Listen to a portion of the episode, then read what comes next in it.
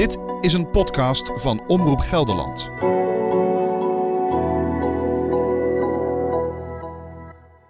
Ja, ik heb ook best wel even nagedacht of ik dit in de ochtend ging doen, of ik dit in de middag ging doen of in de avond. Het is uiteindelijk uitgekomen op uh, schemer. ik weet eigenlijk niet heel goed waarom. Uh, want ja, wanneer ga je met een schep naar een kerkhof? Als ik eenmaal iets heb bedacht, dan moet dat ook gebeuren. Je luistert naar De Ramp met de Phoenix, aflevering 5, Erfenis. Mijn naam is Joske Meerdink en ik maak deze podcast voor Omroep Gelderland. In de vorige aflevering hoorde je dat het ons gelukt is om voor het eerst in 175 jaar iets terug te vinden van de Phoenix, namelijk de schoorsteen van het schip. In deze aflevering onderzoek ik nog wat losse eindjes, zoals die tak van de treurwilg die onder water bij de schoorsteen lag, en onderzoek ik de erfenis, de nalatenschap van de migranten. Want wat is er nog over van de Nederlandse cultuur in Wisconsin? De plek waar de Achterhoekers zich zettelden na de ramp. En hoe belangrijk is het om het verhaal van de Phoenix te blijven vertellen?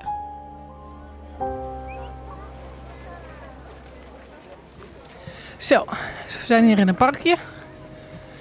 Parkje van Cedar Grove. En toen we hier van de week doorheen reden, hingen hier allemaal Amerikaanse vlaggen. En nu hang ik het om en om. Dus Amerikaanse vlag, Nederlands vlag, Amerikaanse vlag, Nederlands vlag. Het is tijd voor het jaarlijkse Holland Festival. Dit jaar de 75ste editie. En met het festival proberen de inwoners van Cedar Grove de Nederlandse cultuur in stand te houden. It's tradition, it's family, it's a small town getting together to enjoy our heritage. I've always been a part of it. I've never missed one my entire life. And uh, I love it. Aan beide kanten van de straat zitten mensen te wachten. Ze kijken naar een man met een witte baard in een bruin kostuum. Hij loopt over de straat en laat een bel luiden. The burgermeister has inspected the streets and he declared them too dirty for klumpen dancing. Let the street scrubbing begin. De man vertelt dat de straten te vies zijn om straks op te gaan klompen dansen. Dus dat er eerst geveegd moet worden. Street scrubbing noemen ze dat. Deze traditie stamt waarschijnlijk af van het beeld dat de Nederlandse huisvrouw vroeger haar stoepje graag schoonhield. Ik loop nu tussen allemaal kinderen die de straten aan het vegen zijn. Oké, okay, ja, mijn voeten worden dus ook nat hier. What are you doing? Uh, I'm scrubbing the streets. Why? Because it's apparently tradition from uh, the olden Dutch times. Do you yourself have uh, Dutch ancestors? Yep. Okay. Uh, do you know where uh, they are from? From which part of Holland? I think the Netherlands are around there. De kinderen weten me aardig uit te leggen wat ze aan het doen zijn. Maar als ik doorvraag, merk ik wel dat de kennis een beetje aan de oppervlakte blijft. Er lopen kinderen rond in klederdracht met bussen in hun hand. Ze strooien poederzeep op straat. Vaders gooien emmers met water leeg, zodat andere kinderen met hun rieten bezems de straten daadwerkelijk schoon kunnen vegen. Het publiek langs de kant smult ervan. Opa's en oma's zwaaien trots naar hun kleinkinderen. Ik ben nieuwsgierig, want denken de inwoners van Cedar Grove echt dat we dit nu nog in Nederland doen? Straatje vegen in klederdracht? Oh no. No. oh no, not at all. I was a bit scared to ask you this question because I very much like it, but it's also like uh, we're not doing it anymore. Right, right. It is very much of the old heritage of the ones who came back in the 1800s, um, and that tradition is it's not the modern Dutch as we know it. Ik vind het aan de ene kant prachtig om te zien dat een groep mensen aan de andere kant van de wereld bijna nog trotser is op de Nederlandse cultuur dan wij in Nederland zelf. Maar het werkt ook een beetje op mijn lachspieren, want dit is natuurlijk echt iets uit vervlogen tijden. Niemand, nou ja, bijna niemand, loopt er in Nederland nog zo bij. De meeste mensen die ik spreek weten dat gelukkig echt wel, op een enkeling na. Do you think people in the Netherlands still uh, scrub their streets? I believe they do. Ik voel het jongetje dat ik net sprak nog even aan de tand over zijn kleding. Do you know what it's called what you're wearing? Dutch clothes. Yeah, Dutch clothes. Am I allowed to teach you a Dutch word? What you're wearing is a boerenkiel. Boerenkiel? So you just learned your first Dutch word. And what's gonna happen next? Then we're gonna dance in wooden shoes. Mary is ook op het Holland Festival. En het is tijd om haar te vertellen wat we een dag eerder hebben gevonden. Ik kan het voor haar niet langer geheim houden, want het verhaal van de ramp houdt haar al meer dan 25 jaar in zijn greep. Hoe zal ze reageren? So Mary, um, uh, Tuesday we went uh, with Steve on a lake. We told you, right? Yes. Ik vertel Mary over de beelden van Steve, waar hij een langwerpig voorwerp op zag. Dat we die aan Cathy van het Maritiem Museum lieten zien en dat zij uiteindelijk een duikteam regelde. So, Are you building up to a really great story to tell me that the, they they are going to verify that this is a piece of the phoenix? Ik pak mijn telefoon erbij en probeer zo goed en zo kwaad als het gaat met de felle zon Mary de beelden van het fonds te laten zien. I hope you can see it. The woman who was diving for us, Yes. she came up, and and she she was saying, "It's definitely not a log. It is a smokestack." They think it's the smokestack of the phoenix, and that would be the first thing they found yes. in And 175 years. And certainly, you know, something that is so incredibly intact yeah. altogether after 175 years is really incredible, um, especially in terms of all the people who do um, shipwreck research and maritime research. This is a huge discovery for that group of people, as well as those of us who have other connections to the story. Mary's ogen worden groter en groter. Ze vindt het enorm bijzonder dat er na zoveel jaar nog iets gevonden is van het schip.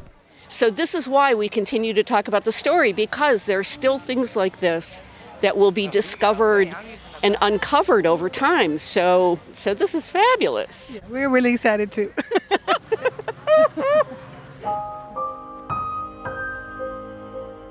Mary is ontzettend verrast en we geven elkaar een dikke knuffel. Ik besluit haar vervolgens ook te vertellen over de wilgetak die Tamara vond bij de schoorsteen. Over dat de Phoenix vogel volgens de legende zijn nest had in het treurwilg en de symboliek van de boom. That's really crazy. Yeah. It was waiting for you to come and discover it. Seriously. There is a grand plan in the universe. Yeah, because we can't wrap our heads around it. It's too no, much. No, I know. I know. So. I'll have to think about that one for a while. Seriously.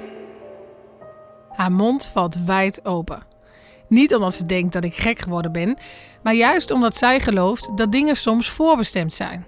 Net zoals Mark Hesselink. I think we all fit in someplace, and that that puzzle has to all fit together. It's like fate, huh?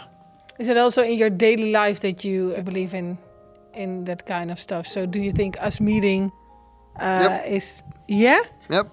What if I hadn't go Hadn't to walked the in that yeah? cemetery. Yeah. Then I wouldn't be been You'd here. have missed it, but then you have to recognize it.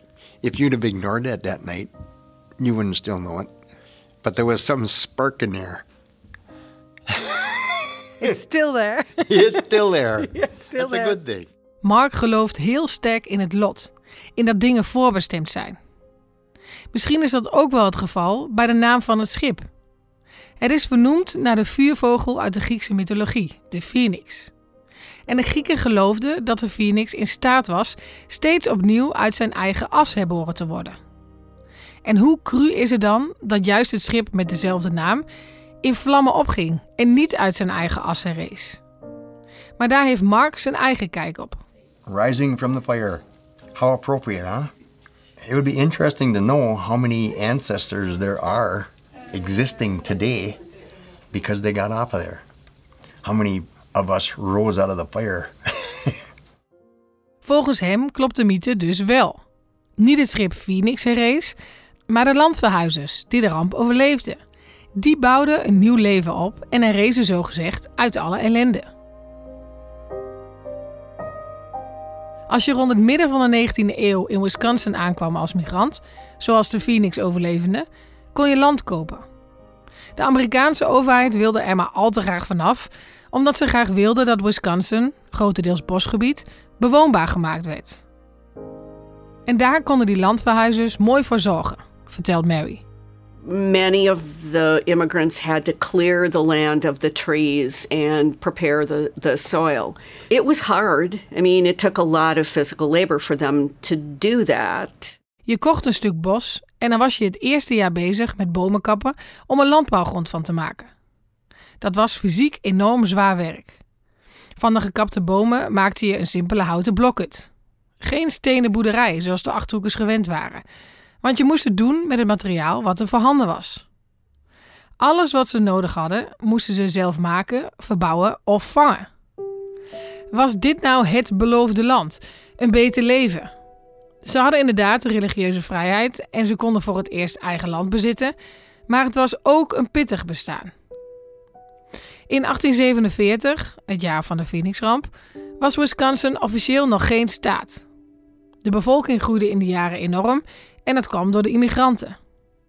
De oorspronkelijke bewoners, de Native Americans, kwamen oog in oog te staan met de Achterhoekse landverhuizers. The relationship with most of the Native Americans who lived here was relatively good. I know, you know, there were some stories about people being afraid because they, you know, there's a language barrier, but I I have not come across stories here that there were major problems between the Dutch settlers and the Native Americans. De relatie tussen beide groepen was volgens Mary over het algemeen goed. En buiten die Native Americans om was iedereen een immigrant. En daardoor zaten ze in hetzelfde schuitje. Everybody's in the same position. They're they're learning how to speak English. They're establishing their businesses. They're learning to adapt. There wasn't an American culture in 1845. you were building an American culture in Wisconsin based on the ethnic groups that immigrated. De Amerikaanse cultuur, zoals die nu bestaat, was er toen nog niet. Die hebben migranten in die tijd met elkaar gecreëerd. Maar de focus lag niet alleen op het bouwen van een nieuwe cultuur. De landverhuizers probeerden ook Nederlandse dingen vast te houden. Zoals klompendansen. We're performing our three dances the clog, the mill, and the parade step. Oh, wow. So you've been practicing this? Yep, we've been practicing for a few months now. Er is maanden geoefend op allerlei pasjes. Ik vraag me af of de meiden het echt leuk vinden of vooral doen omdat het van ze verwacht wordt. I begged my parents to. Yeah, I really wanted to try it since I watched my sister over there do it. I really wanted to try. I'm gonna go outside. Good luck.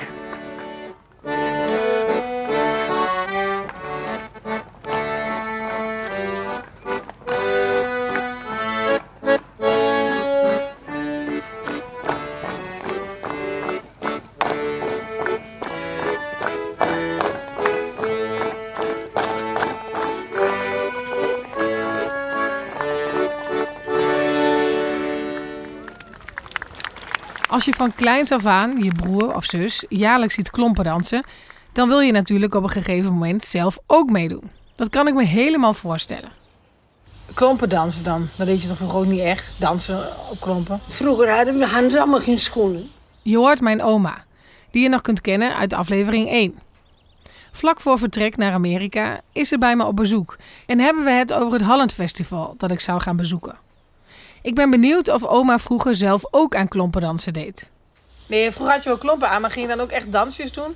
Ja, als ze vroeger bruiloft hadden, dan gingen- hadden ze mooie witte geschuurde klompen aan. Ha- Had, had je dan bepaalde liedjes waar je dat dan op deed? Want volgens mij doen zij dan echt op allemaal van die oud-Hollandse Op de liedjes. Driekesmaan zeker. Nou, als ik dat daar hoor, dan, word- dan word ik gek. Dat is toch echt een hartstikke achterhoeks liedje, of niet? Driekesman, Driekesman. En die is hem en dan kieken we eens aan. En dan, ging ze, en dan deden ze armen achter elkaar en dan gingen ze weer rondjes draaien. Ja. En dan deden ze weer twee passen voor u en twee achter u. Ik ben nou benieuwd wat voor liedjes ze doen. We gaan het meemaken.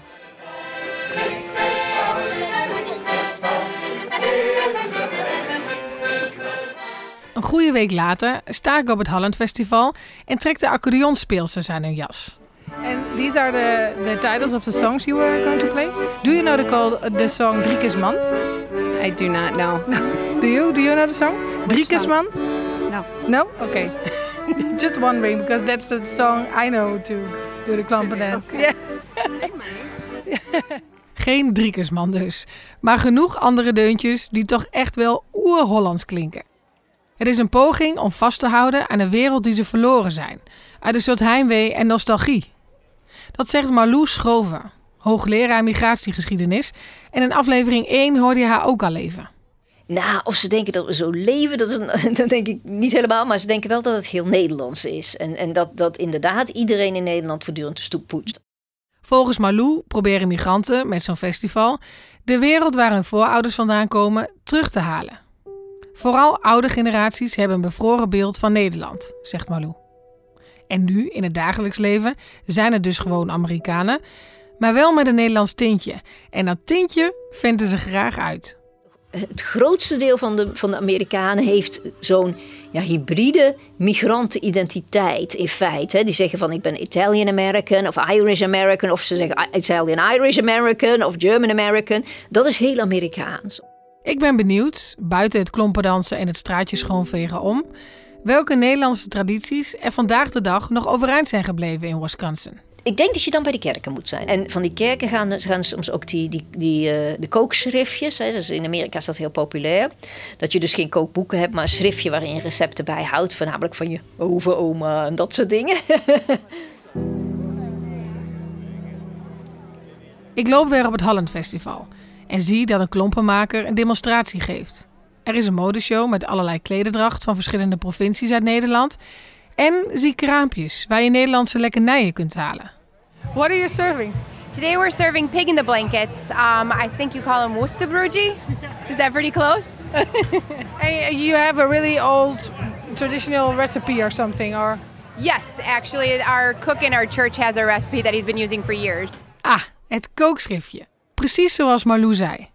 Er gaan tijdens het festival maar liefst 1500 worstenbroodjes over de toonbank, vertelt de vrouw. Maar nog populairder zijn de oliebollen. Die maken ze ook zelf en daar verkopen ze er in één weekend 10.000 van. We have this uh, only at New Year's in, in Holland. So my mom bakes it. Now they look quite similar. Maybe a little bit bigger, but I'm gonna try. mm. Ja, really good. Ze zijn echt heel lekker, maar smaken meer naar cakejes of donuts dan de oliebollen zoals wij ze kennen.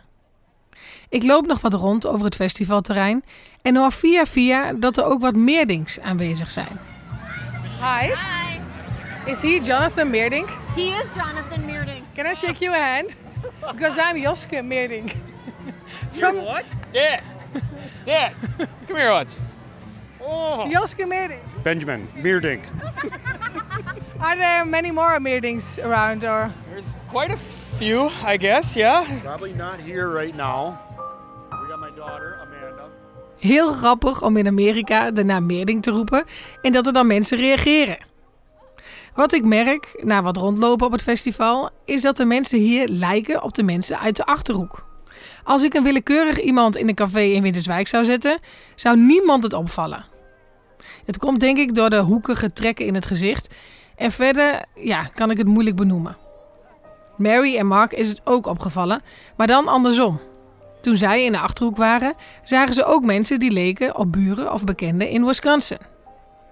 Ik ben benieuwd of de mensen hier op het festival zich daadwerkelijk Nederlands voelen.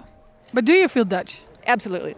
Uh, I would say I feel I'm American, but uh, with a really proud Dutch heritage.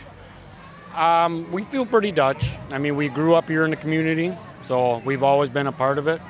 De meeste mensen die ik spreek voelen zich Nederlands. Maar soms blijft het wat uh, oppervlakkig. Do you have Dutch ancestors yourself? Yes. And where they're from? Do you know that? I do not know that. Are you interested in, in, in Holland or do you think, well, I think it's a nice festival, but more? Ja, I'm interested in Holland, ja. Heel geïnteresseerd zijn in je Nederlandse afkomst, maar vervolgens niet weten waar je voorouders dan precies vandaan komen. Ook dat kom ik tegen. Maar anderen zijn zich dan juist wel weer heel bewust van hun familiegeschiedenis zoals Dave Veldkamp. Zijn voorouder, Lambert Veldkamp, immigreerde in 1847 vanuit Winterswijk naar Wisconsin. Lambert vertrok in juni, een paar maanden eerder dan de mensen die uiteindelijk op de Phoenix terechtkwamen. How ironic. That could have been my family on that ship. And if it was, we wouldn't be talking to each other right now. Dave reisde in 2014 af naar Winterswijk en bezocht de boerderij van zijn voorouder. I was able to get a little souvenir soil from from the area just to sprinkle on my Lambert's grave. Oh, wow. That'd be a testament to Lambert to have his soil. Excuse me. is okay. Dave wordt emotioneel als hij terugdenkt aan het moment dat hij het uit Nederland meegesmokkelde zand, dat van de boerderij kwam waar Lambert woonde, in Amerika over zijn graf uitstrooide. Yeah, I was impressive when we went to see that sign, Winterswig. It was there. We're here. We're home. It's a beautiful country. It reminds. Oh, here we go. It reminds me of uh, Wisconsin. Flat lands, good crops, beautiful scenery, rolling hills. So when we went to the Netherlands, we weren't homesick at all. Jeetje, wat is deze man trots op zijn Achterhoekse roots. En toen hij tijdens de reis het bordje Winterswijk zag staan, voelde dat zelfs als thuiskomen. I'm honored to be Dutch, just because of what I heard, what they went through to get here, what they did to uh, improve our lives today. En ook Mark Hesselink, die zoals je weet ook Nederlandse voorouders heeft, voelt zich Nederlands. Yeah, I guess I feel Dutch around here. The names everywhere you look are Dutch names, so there's, there's Dutch here, all right. Ja, de namen op begraafplaatsen natuurlijk, maar ook namen van winkels en straten. We reden bijvoorbeeld op Hoytink Road, Rauwedink Road, Mentink Road en Wijnveen Road. Allemaal wegen die vernoemd zijn naar Achterhoekse families. En dan heb je nog het dorpje ten zuiden van Sheboygan, genaamd Holland. En iets meer landinwaarts Barneveld. Er zijn in heel Amerika zelfs 24 plaatsen die Holland heten. In de staat Michigan, aan de overkant van het meer, heb je ook steden die door de Nederlanders gesticht zijn. En zelfs een Nederlandse naam hebben gekregen. Zoals de plaatsen Friesland met een V, Drenthe, Zutphen, Borculo en Zwolle. Je ziet de invloed van Nederlandse landverhuizers dus nog terug in het straatbeeld. Maar hoe zit dat met de taal? So the language culture also um, has died for the most part, except for certain words. Well, my favorite ones with my mother, there isn't really an English translation for these words, are fees and benout. The only thing that I can think of is that our my aunt always used to tell me to eye the cat. So there were just there's little things that you're not even aware of a lot of times. Binnen de Nederlandse gemeenschap werd het aangemoedigd om met elkaar te trouwen. Zo hield men de tradities en taal makkelijker in stand. Tot 1917 werd er nog volop Nederlands gesproken en zelfs ook onderwezen op scholen. Maar toen Amerika aan de Eerste Wereldoorlog ging deelnemen, vertrouwde men het Duits en Nederlandstaligen niet meer en kwam er een verbod op het gebruik van die talen. Er wordt vandaag de dag dus nauwelijks nog Nederlands gesproken. Verder dan een paar woordjes komen de meeste mensen niet. My father always said his parents spoke Dutch, but it was only the swear words. I am hesitating to ask you, but do you know the swear? Words? Do you know any other Dutch words? Or? Uh, tot ziens. Our grandparents spoke Dutch. Slaap maar lekker. Or Ja. slaap maar lekker en eet Sleep smakelijk. well. Ploesjes. Pluisjes. Pluisjes. Vies. Um, snurt. Bakkenbrei. Snurt as in soup. Soep. Bitterballen. the croquettes or whatever you call them, croquettes. So the, the most words you know are food. Yeah, yeah, well, that that is a given. It's it's all about food here. Het hele Nederlandse culinaire aanbod komt voorbij. Je hoorde Malou, docent migratiegeschiedenis, eerder in deze aflevering vertellen dat ik de Nederlandse tradities waarschijnlijk bij de kerk moet gaan zoeken. I think church is the biggest thing. We will go to the Christian Reformed Church, and I think um, believing in the Lord Jesus Christ and His work on this earth and what He did for me, that's the biggest thing that I think my heritage brought to me. Het geloof speelt dus bij de afstammelingen van landverhuizers nog een grote rol. De vrouw die je net hoorde ziet het zelfs als de grootste Nederlandse traditie die ze voortzet.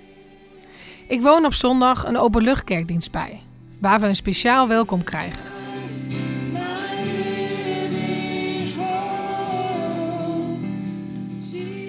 I wanted to just mention a few things before we get started. You may notice that there's a camera crew around here. We do welcome those from the Netherlands. And so, one of the things that is uh, fascinating from what they have been talking about and what they're uh, discussing is the reality that freedom of worship was one of the reasons why there's a lot of immigrants that came over to Cedar Grove in the first place.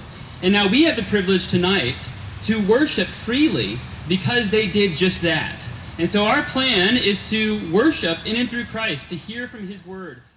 De dominee zegt dat ze dankbaar moeten zijn. Dat zij vandaag de dag de vrijheid hebben in geloof. En dat dat bij hun voorouders heel anders was. Dat brengt mij weer terug bij de groep landverhuizers die op de Phoenix zat. Mark en Janice, de zusjes Foster, Steve en Mary. Zij hebben allemaal op hun eigen manier een band met het verhaal. Maar ik ben ook benieuwd hoe bekend het verhaal van de ramp onder de doorsnee bevolking is. Do you know the Phoenix disaster? No. No, I don't. No. The what? The Phoenix disaster. No. Very briefly. I've heard about a lot of shipwrecks around this area, but specifically, no. Uh, when I say the Phoenix disaster, do you know what I'm talking about? Yes, I do. Uh, what do you know about the disaster? I know I don't remember the year, but a ship was coming here, and then they their ship burned, and 43 um, survivors were saved, and the rest all died. Oh, wow, you know a lot of details. I'm impressed because not not so many people know the the story. I believe that our teacher tells us each year the story. Ook hier kennen veel mensen het verhaal niet. Maar ik ben verrast dat dit jonge meisje me zoveel kan vertellen over de ramp. Omdat ze het verhaal op school heeft geleerd. Dat zouden we in Winterswijk misschien ook wel kunnen doen. Daarover later meer. Why do you think so few people know the disaster of the Phoenix? It's an Their- important story. Their lives are too busy. And it didn't affect them. This affected me because my great grandma was on here. and I don't know, if my grandma wouldn't have been on there, I didn't care about it before I knew about it. Mensen hebben het te druk met andere dingen om zich bezig te houden met dit soort verhalen, zegt Mark. En het is misschien wel een ver van je bedshow. Maar het verhaal van de Titanic, ook een scheepsramp, is wel bekend. Dat komt natuurlijk door de film. Maar Mark denkt ook dat er wat anders meespeelt. And there were people on the Titanic that had big bucks. Oh, okay. So, so you think the, the people on the Phoenix maybe meant nothing to people because they were poor, so it wasn't. Exactly. Yeah. Uh, I really think that. That sounds cold, but local little local stories don't seem to mean much anymore. People are off into that stupid Hollywood stuff and all that stuff that means nothing. Times are so different. And I guess that's my old age showing through. Omdat er arme migranten op de Phoenix zaten en geen rijke passagiers, zoals op de Titanic, heeft de ramp wellicht minder goed weten te beklijven, denkt Mark. Maar hoe zorg ik ervoor dat het verhaal ook bij een nieuwe generatie levend blijft? Hopelijk draagt deze podcast daar een steentje aan bij. Maar wat nou als ze er op school ook over zouden leren? Ik heb afgesproken met mevrouw Onk op het Gerrit Komrij College, de middelbare school van Winterswijk. En toen ik nog op school zat, heette het de Driemak. En van mevrouw Onk kreeg ik geschiedenis. Voordat ik haar lokaal binnenwandel, besluit ik nog even bij wat jongeren te polsen of ze het verhaal van de Phoenix kennen. Dat is nog nooit hier verteld. Het is ook wel erg dat het is gebeurd, maar ik denk niet dat ze daar nu nog over moeten hebben. En waarom niet dan? Misschien kunnen we er wel iets van leren. Ik leer hier al genoeg, moet ik zeggen. ik moet hard leren voor mijn examens dit jaar. De meeste leerlingen hebben geen idee waar ik het over heb en het boeit ze ook niet echt helaas. Waarschijnlijk had ik zelf als 14-jarige hetzelfde antwoord gegeven, maar toch heb ik één keer bingo. Oh, is dat met dat kerkhof hier in Winterswijk? Is dat die? Met, de, met, dat, met dat vuur? Ja, daar heb ik wel eens van gehoord. Vinden jullie het niet gek dat je dit niet op school krijgt? In de geschiedenisles. Het lijkt me wel logisch dat je het krijgt als het hier zo'n grote impact heeft gehad. Ik loop naar lokaal 204 en passeer een groep leerlingen met van die enorme rugzakken. Dat is voor mij alweer een jaar of 15 geleden, maar ik weet het nog als de dag van gisteren. Ik stap het lokaal van mevrouw Onk binnen en vertel over mijn vragenrondje. Ze zeiden ook van ja, als we het hier op school zouden krijgen, het wordt niet getoetst. Dus waarom zouden we het dan leren? Zelfs al wordt het getoetst. Uh, het komt zelfs wel eens voor dat bovenbouwleerlingen glashard ontkennen dat ze ooit iets over de Romeinen hebben gehad. Gewoon, en daar zijn we dan in de onderbouw acht weken druk mee geweest. Nee, dus ik denk dat het met, met alle vakken, met alle onderwerpen zo is dat degenen die het interessant vinden, die onthouden het. Je moet het er ook niet in willen rammen, maar ik zou al blij zijn als het in ieder geval wel een keer wordt verteld in de lessen. Ik vraag mevrouw Oonk of zij dat doet. Ja, wel eens. Het is ja, een goede vraag. Uh, het zit niet in ons vaste curriculum. Uh, het, het, verhaal van de ramp met de Phoenix ken ik uh, van vroeger, van Willem Wilterdink, Hulse Willem. Super tragisch, echt Titanic keer, keer 100, maar dan voor de Achterhoek. En ik, ik vond dat interessant, dus ik heb dat gelezen en onthouden. En ik vertel het wel eens in de klas, maar niet vast. Het zou heel mooi zijn als we in ons uh, curriculum plek hebben, dat je een streekweek of zo zoiets maakt. Hè. We hebben een museum in Winterswijk waar we met de kinderen ook nooit naartoe gaan. Dat is ook heel gek eigenlijk. Ondertussen ben ik nieuwsgierig hoe ze mij zich herinnert als leerling, of ik geïnteresseerd was. Want ik vond haar te gek, omdat ze zo goed verhalen kon vertellen. Maar geschiedenis zelf vond ik echt geen bal aan. Ja, jij was, nou, jij was sowieso geïnteresseerd in school. Jij vond het volgens mij leuk om op school te zijn. Nou ja, eh, je, vond, uh, je, je, kon heel hard op mijn grapjes lachen en dan ben je bij mij al vrij snel. Ja, dan vind, steeds. dan vind ik je heel intelligent sowieso. En, Ik was hier heel benieuwd naar, want mijn eigen herinnering is namelijk... ik vond het inderdaad heel leuk op school. Maar ik had echt niks met geschiedenis. Dus daarom was ik ook zo verbaasd eigenlijk over mezelf dat ik me nu al twee jaar helemaal gooi in een soort geschiedenisonderwerp waar ik vroeger echt, nou, dat had ik nooit gedacht. Wat, wat heeft jou hier dan zo aan gegrepen? Um, ik denk dat ik het vooral heel erg vind dat het niet de aandacht heeft gekregen die het heeft verdiend. Als ik zie hoeveel mensen erbij om zijn gekomen, uh, als dit nu zou gebeuren, nou, wereld te klein. Uh, maar ook niet alleen de ramp, maar ook als je ziet dat gewoon een derde van heel Winterswijk, als je die van 1840 tot 1890 kijkt, die getallen, die zijn gewoon geëmigreerd. Moet je je voorstellen dat nu een derde van heel Winterswijk weggaat? Kun je me niet voorstellen? Het is nu onderdeel van uh, wie ik ben, denk ik. En ik hoop dat heel veel mensen het verhaal mogen, mogen horen. Dat is dus ook wat ik zo mooi aan geschiedenis vind. Geschiedenis is ook, het is niet alleen maar van, oh ja, toen en toen en uh, boeien en het is gebeurd. Geschiedenis is emotie, dus waar wij vandaan komen. Wie zijn wij? Wij zijn geworden wie we zijn door wat er allemaal gebeurd is. Kunnen we een deeltje maken dat jij mij belooft dat je elke klas hier iets over gaat vertellen? Dat wil ik zeker wel doen. Nou, graag. Dank je. Hoppa, in de pocket. Mevrouw Oonk gaat haar best doen om de interesse van haar leerlingen te wekken voor de ramp met de Phoenix, zodat het verhaal levend blijft. En over levend houden bij een nieuwe generatie gesproken. Ik krijg een foto doorgestuurd van mijn zus Lieke. Het is een printje dat mijn neefje Joep van inmiddels 6 jaar heeft meegenomen van school. Je hoorde hem eerder al in aflevering 2. Er staat op, in koeienletters, het ingewikkelde woord ontstaansbegrijper. Joske vraagt aan mij hoe het komt dat haar naam hierop staat. Omdat um, dit talent Joske heeft. Op de school van Joep werken ze met talenten. Kinderen mogen aangeven of ze het talent dat besproken wordt bij zichzelf vinden passen en of bij anderen in de klas. En wie leest iemand dat dan voor? Of zo? De juf. Zal ik hem eens voorlezen? Ja.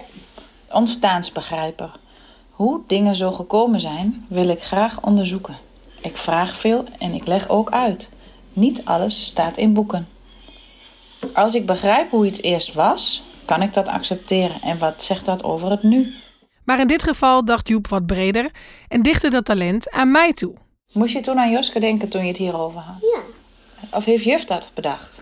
Nee, ik. Toen dacht je, hé, hey, als ik dit zo lees, moet ik aan Joske denken. Ja. En hoe komt dat dan? Omdat Joske echt wil weten um, hoe de Phoenix is gezonken. Ik glunder helemaal van trots als ik het audio-appje hoor. Want blijkbaar heeft het moment in mijn werkkamer, toen ik al die briefjes van de stamboom aan Joep probeerde uit te leggen, wel indruk op hem gemaakt. De ontstaansbegrijper, mm -hmm. die kan ook heel goed dingen uitleggen. Dus eigenlijk wil ik zeggen, dit talent is voor Joske. Ha Niet dat ik mezelf nu op de borst wil kloppen omdat mijn neefje van zes mij een talent toedicht. Ik ben vooral blij dat er iets van het verhaal van de Phoenix is blijven hangen bij Joep. Want dat was precies mijn bedoeling. Keeping the story alive, zoals Mary dat zo mooi zegt. Ik zou het geweldig vinden als dat lukt. Maar kunnen we er ook daadwerkelijk iets van leren? En wat dan? Dat vroeg ik onder andere aan Cathy. We can learn about innovation, about how these vessels uh, fueled uh, the change in our country. They can tell stories of bravery, of opportunity. Um, and I think today, you know, it's really important for us to look back and see how, how we got here. Uh, I think that makes us more empathetic. Kathy denkt dat we empathischer worden als we weten waar we vandaan komen. Wat die mensen allemaal hebben moeten doorstaan. Hoe moedig ze waren en welke kansen ze hebben gekregen. Shipwreckhunter Steve kijkt er op een andere manier naar.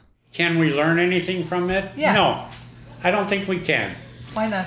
Because, you know, uh, it's basically uh, probably human error. A hundred years back or a hundred years in the future, we're still going to have human error. It's an interesting story. I think that's what it is. I mean, migration has been happening for as long as there have been people on Earth. True. And uh, that's never going to change. Migratie is van alle tijden, zegt Steve. Dat gaat niet veranderen. De Phoenix zonk waarschijnlijk door een menselijke fout. En mensen zullen altijd fouten blijven maken. Dus kunnen we iets leren van de ramp? Steve is stellig en denkt van niet. It gives people something to think about that your life isn't given to you. Je hoort Mark Hesselink. You got to work for it. These people worked really hard to get their stuff on that boat and to get it over here. And yeah, some of them got really lucky. Sometimes you got to work hard at it. But there's a lot of people think that they're owed everything. You're not owed anything. You got to pick up yourself by the bootstraps. And my daughter doesn't like that when I say that. Amen. I'm all for that. Because most people aren't going to give a hoot what happens to you. Je bent verantwoordelijk voor je eigen geluk, zegt Mark. Hard werken en nederig zijn. Dat zijn de lessen die hij uit het verhaal trekt. Het verhaal vertelt denk ik altijd dat mensen op zoek zijn naar een toekomst, naar perspectief. Dat die weg naar die toekomst geplaveid is, maar niet in alle gevallen. Ik denk dat het de, de essentie is van het, het overleven, het doorgaan, leren van het verleden om de toekomst eh, in te kunnen vullen. We moeten niet alles voor vanzelfsprekend aannemen, zegt Henk de Kulve, oprichter van het Winterswijkse Monument voor de Ramp. De landverhuizers wisten ook niet waar ze aan begonnen, maar hadden wel de moed om het avontuur aan te gaan. Ja, ik zou zo een parallel met de tegenwoordige tijd kunnen eh, leggen. Als je denkt aan eh, al die mensen die eigenlijk op de Middellandse Zee met een bootje over proberen te varen om daar het beloofde land te bereiken, dan is dat beeld eigenlijk hetzelfde wat deze mensen willen. Ja, daar heeft Henk een goed punt. Na het maken van deze podcast kijk ik in ieder geval met andere ogen naar het nieuws. Ik vond die beelden van migranten in krakkemikkige bootjes altijd al vreselijk om te zien. Dat gun je niemand. Maar het besef dat onze, jouw, mijn familieleden, weliswaar lang geleden misschien wel in hetzelfde schuitje zaten, dat maakt dat het dichterbij komt. Het is geen ver van je bedshow.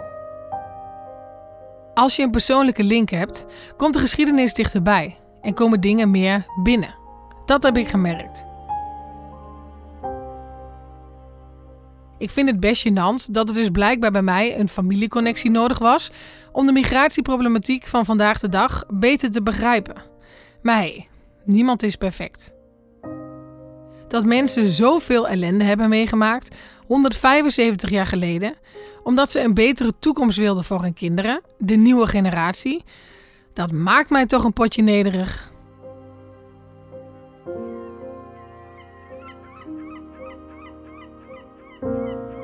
We spoelen even terug in de tijd. In aflevering 3 zat ik ochtends heel vroeg aan de oever van Lake Michigan en had ik een missie.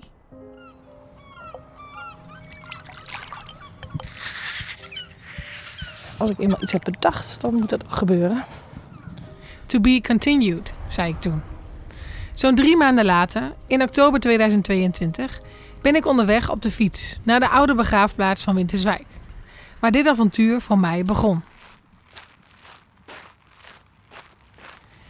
Ja, ik heb ook best wel even nagedacht of ik dit in de ochtend ging doen, of ik dit in de middag ging doen of in de avond.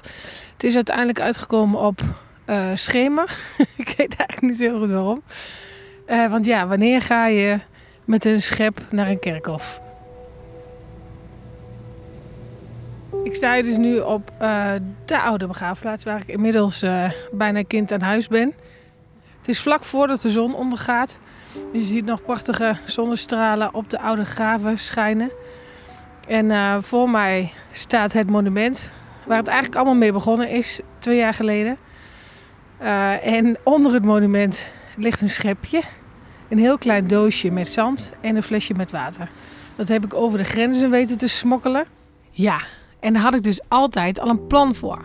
Want het leek mij heel mooi om uh, de twee plekken die door de ram met elkaar verbonden zijn, namelijk Winterswijk en Sheboygan, om die op een of andere manier toch nog een beetje met elkaar te kunnen verbinden.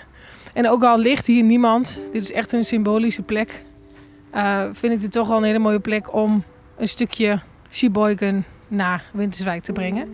En dat wil ik heel graag doen door het zand een klein beetje te begraven en het water te sprenkelen.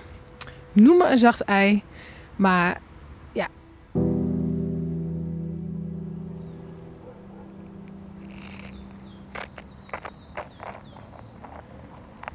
Zand erin en gaatje weer dicht.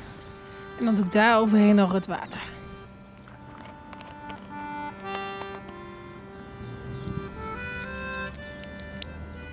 Nu ik dit aan het doen ben, denk ik, wat ben ik godsnaam aan het doen? Nou ja, zo had ik het in mijn hoofd. En dan moet het ook zo gebeuren. En het is gebeurd. ja, mijn eigen kleine eerbetoon. Nu ik eindig op mijn beginpunt, het monument van de Phoenixramp, is het cirkeltje rond. En nu ben ik hier twee jaar later weer op diezelfde plek. En ik bedenk me ineens, wat nou als ik niet die dag rechtsaf was geslagen? Wat nou als ik gewoon rechtdoor was gelopen? Was het dan allemaal niet gebeurd? Is het dan geluk geweest? Is het toeval geweest? Was het het lot? Is er dan toch iemand die misschien daarboven aan wat touwtjes heeft lopen trekken? En ervoor heeft gezorgd dat, dat ik dit allemaal heb meegemaakt? Misschien wel met het doel om het verhaal verder te vertellen. Of draaf ik misschien een beetje door. Ik weet het echt niet meer. maar ik blijf het wel heel bijzonder vinden dat ik twee jaar geleden eigenlijk toevallig hier kwam. Geen connectie had met het verhaal. En dat ik nu dan via familie toch verbonden blijkt te zijn met het verhaal, met de ramp. Dat heeft me dan in Amerika gebracht, waar ik allerlei mensen heb ontmoet die prachtige verhalen met mij hebben gedeeld. Die ook dan weer familie van mij blijken te zijn. En uiteindelijk natuurlijk als kerst op de taart iets tastbaars heb gevonden van de Phoenix. Het schip waar al zoveel verhalen over bestonden, maar nog nooit iets tastbaars van terug was gevonden. En toevallig in die ene week dat wij in Amerika waren, is het ons gelukt om daar iets van te vinden. Dat kan eigenlijk gewoon niet als je het, als je zou willen. Lukt dat gewoon niet om. Ja, nou. Eigenlijk kan het gewoon nog steeds niet. Maar het is wel gebeurd. Dus het verhaal laat me nog steeds niet los, maar op een iets andere manier. Want ik weet er inmiddels genoeg over. dat heb jij ook gehoord. Ik denk dat het tijd is om mijn wandeling te vervolgen. En weet je wat? In het vervolg sla ik denk ik een keertje vaker linksaf of rechtsaf als ik dat niet had bedacht. Want ik weet inmiddels waar me dat kan brengen. En als ik jou was, zou ik dat gewoon ook een keertje doen.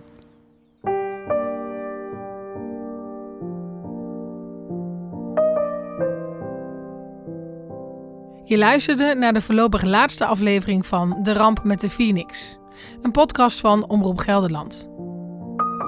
Mijn naam is Joske Meerdink.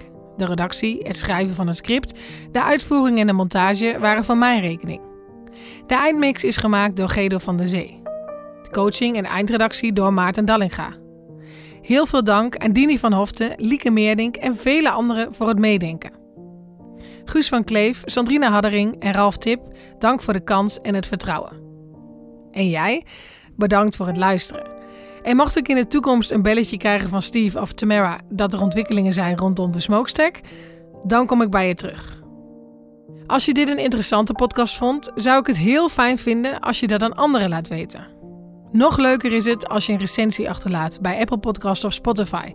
Dat helpt andere mensen deze podcast ook te vinden. Ben je gegrepen door het verhaal? dan is het ook zeker de moeite waard om te kijken naar de tweedelige tv-documentaire over de ramp. Je kunt hem vinden door te kijken op gld.nl/slash Phoenix. Heb je tips, vragen of andere suggesties? Mail ik dan naar phoenix.gld.nl.